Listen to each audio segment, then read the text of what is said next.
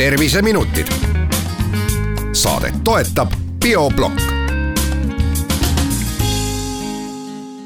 tere, head Kuku raadio kuulajad, eetris on saade Terviseminutid ja me räägime täna sellest, kuidas külmal ja pimedal ajal nii oma vaimset kui füüsilist tervist vormis hoida ning milline roll on toitumisel kõige selle juures.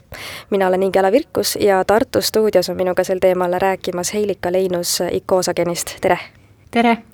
Heilika, kuidas sina üldse selliste terviseteemadeni jõudsid, et sa oled ju tegelikult töötanud hoopis ajakirjanikuna, täpsemalt siis äh, tervisereporterina, aga kui me enne sinuga rääkisime, siis sa nimetasid end ka suureks tervisliku toitumise fänniks, kes äh, rämpstoitu naljalt äh, suhu ei pista. Jaa, nii see on, et tervisliku toitumise teemad on mind tõesti juba aastaid köitnud.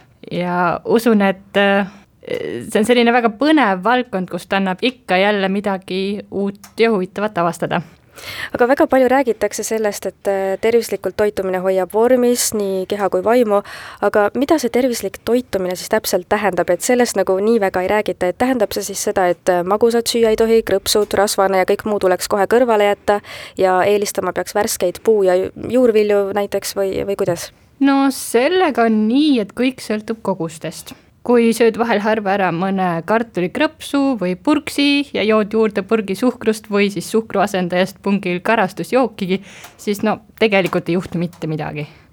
kui aga niimoodi toituda nüüd päevast päeva, siis läheb tervis üsna tõenäoliselt käest ära. et kes end selle teemaga nüüd põhjalikumalt kurssi tahab viia, võiks lugeda Eesti riiklikke toitumis- ja liikumissoovitusi kõige lihtsam ja kiirem nipp selliste murede ennetamiseks on aga kindlasti taldriku reeglist kinnipidamine selle järgi peaksid siis salatid ja kuumtöödeldud köögiviljad moodustama koguseliselt umbes poole taldrikule pandavast toidust. veerandi võiks moodustada põhitoit nagu kala või linnuliha ja neljandiks võiks jääda siis kartulile, riisile, tatrale või muudele lisanditele ja no hea lihtne on meelde jätta, et päevas tuleks süüa vähemalt viis peotäit puu- ja köögivilju aga kas see ongi siis nii lihtne selles mõttes, et inimesed on ju erinevad ja samamoodi on nende vajadused erinevad? no mitte päris, et need on ikkagi vaid põhitõed et näiteks on tähtis süüa ka piisavalt kiudaineid, mis on väga olulised meie soolestiku mikrobiomi tervisele. Äh, vastupidiselt levinud arvamusele ei leidu siis neid kiudaineid mitte ainult teraviljatoodetes nagu leib ja puder, vaid ka näiteks köögiviljades, kaunviljades, puuviljades ja marjades. aga mis see mikrobioom siis õigupoolest on, et sa mainisid seda? Äh, lihtsalt öeldes on need mikroorganismid, mis elavad meie soolestikus üldiselt on meil neid elutegevuseks väga vaja, sest nad aitavad meil toitu seedida kui toit, mida me sööme, on, sobib meie jaoks kasulikele soolebakteritele, siis neil läheb hästi ja nad aitavad meil end heas vormis hoida. aga kui sööme nüüd päevast päeva purksi, krõpse, maiustusi ja joome peale vaid magusat mullijooki, siis äh, mõni kasulik bakterilik äh, võib meie soolest sootuks hävida. ja asemele tulevadki siis mikroorganismid, kes põhjustavad ülekaalulisust ja teisi tervisemuresid. ja sama võib juhtuda ka pärast antibiootikumi kuuri muideks, et suuleelustiku tervisest hoolitsemiseks on kasulik süüa ka jogurtit ja teisi piimatoited siis. ja miks mitte tarbida Eestis toodetavat ternespiima, kus on samuti palju kasulikke bioaktiivseid aineid, mis aitavad kaitsta keha paljude üldlevinud bakter- ja viirusnakkuste eest.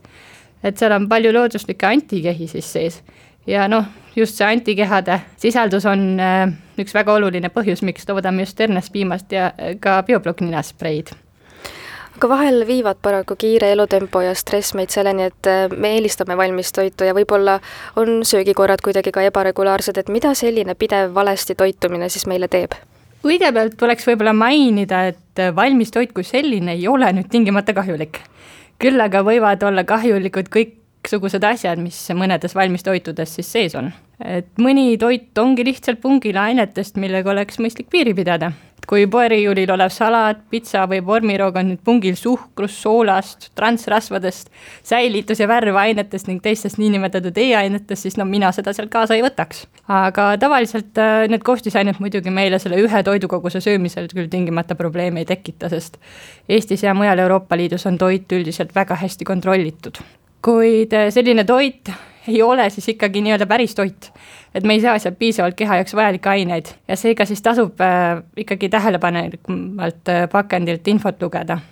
aga no tõsi küll, kõige paremini teame toidu koostist ikka siis, kui teeme selle ise naturaalsetest koostisosadest, et kui vähegi aega saan, siis kokkan mina ka ise aga kui nüüd sinu küsimuse juurde tagasi tulla, siis just tasakaalustamata toitumine ning lisatud suhkur ja niinimetatud rämpstoiduga liialdamine on äh, väga olulised põhjused, miks paljudes arenenud riikides on ülekaalulisus väga suur probleem. Äh, septembris avaldas äh, Tervise Arengu Instituut näiteks kahe tuhande üheksateistkümnendal aastal läbi viidud uuringu, millest selgus, et umbes kolmandik esimeste kuni neljandate klasside õpilastest on Eestis ülekaalulised. ja no täiskasvanute seas see mure veelgi süveneb, et koguni viiendik Eesti inimestest on rasvunud, mis tähendab, et neil on väga suur ülekaal ja peale selle võib tasakaalust väljas toitumine siis põhjustada hulka teisi tervisemuresid, alustades siis seedehäiretest ja suhkurtõvest ning äh, lõpetades vähi- ja südameprobleemidega.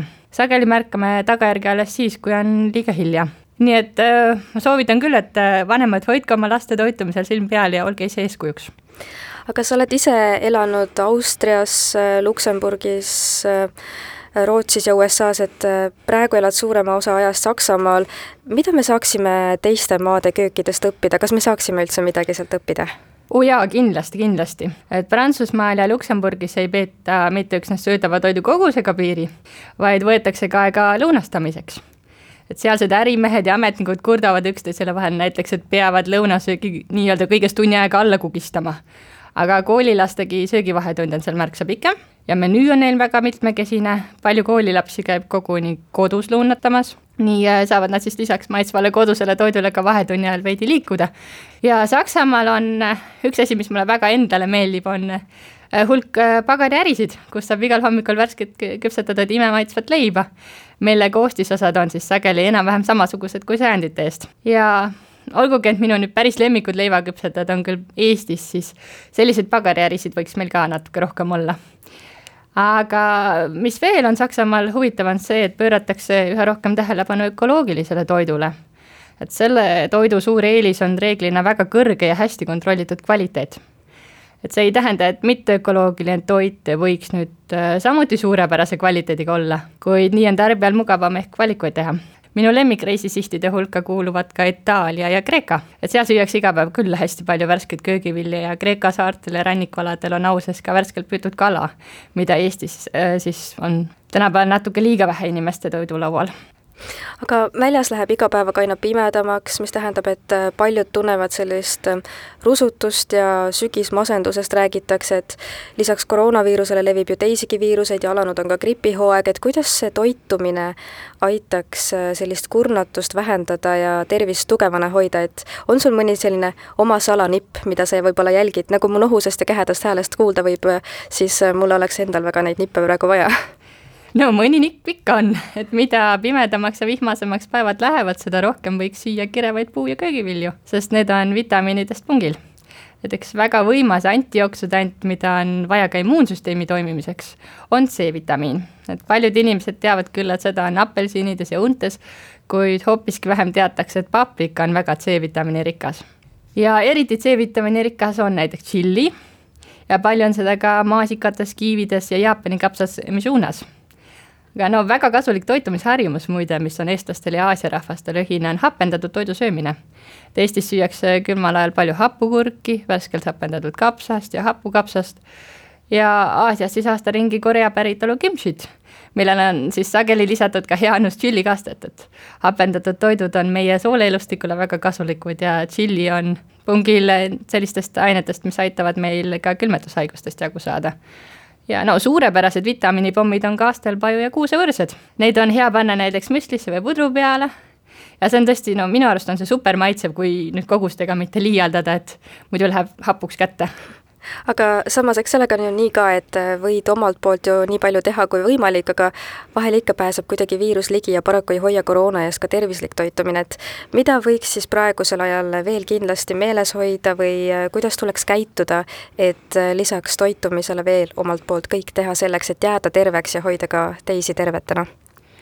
Jah, täiesti õige, et üksnes tervislikust toitumisest nüüd ei piisa küll, et koroona ja gripi eest kaitsmiseks on ikkagi oluline end vaktsineerida. ja no omal kohal on ka maski kandmine, kätepesu ja mõistliku distantsi hoidmine teistest inimestest.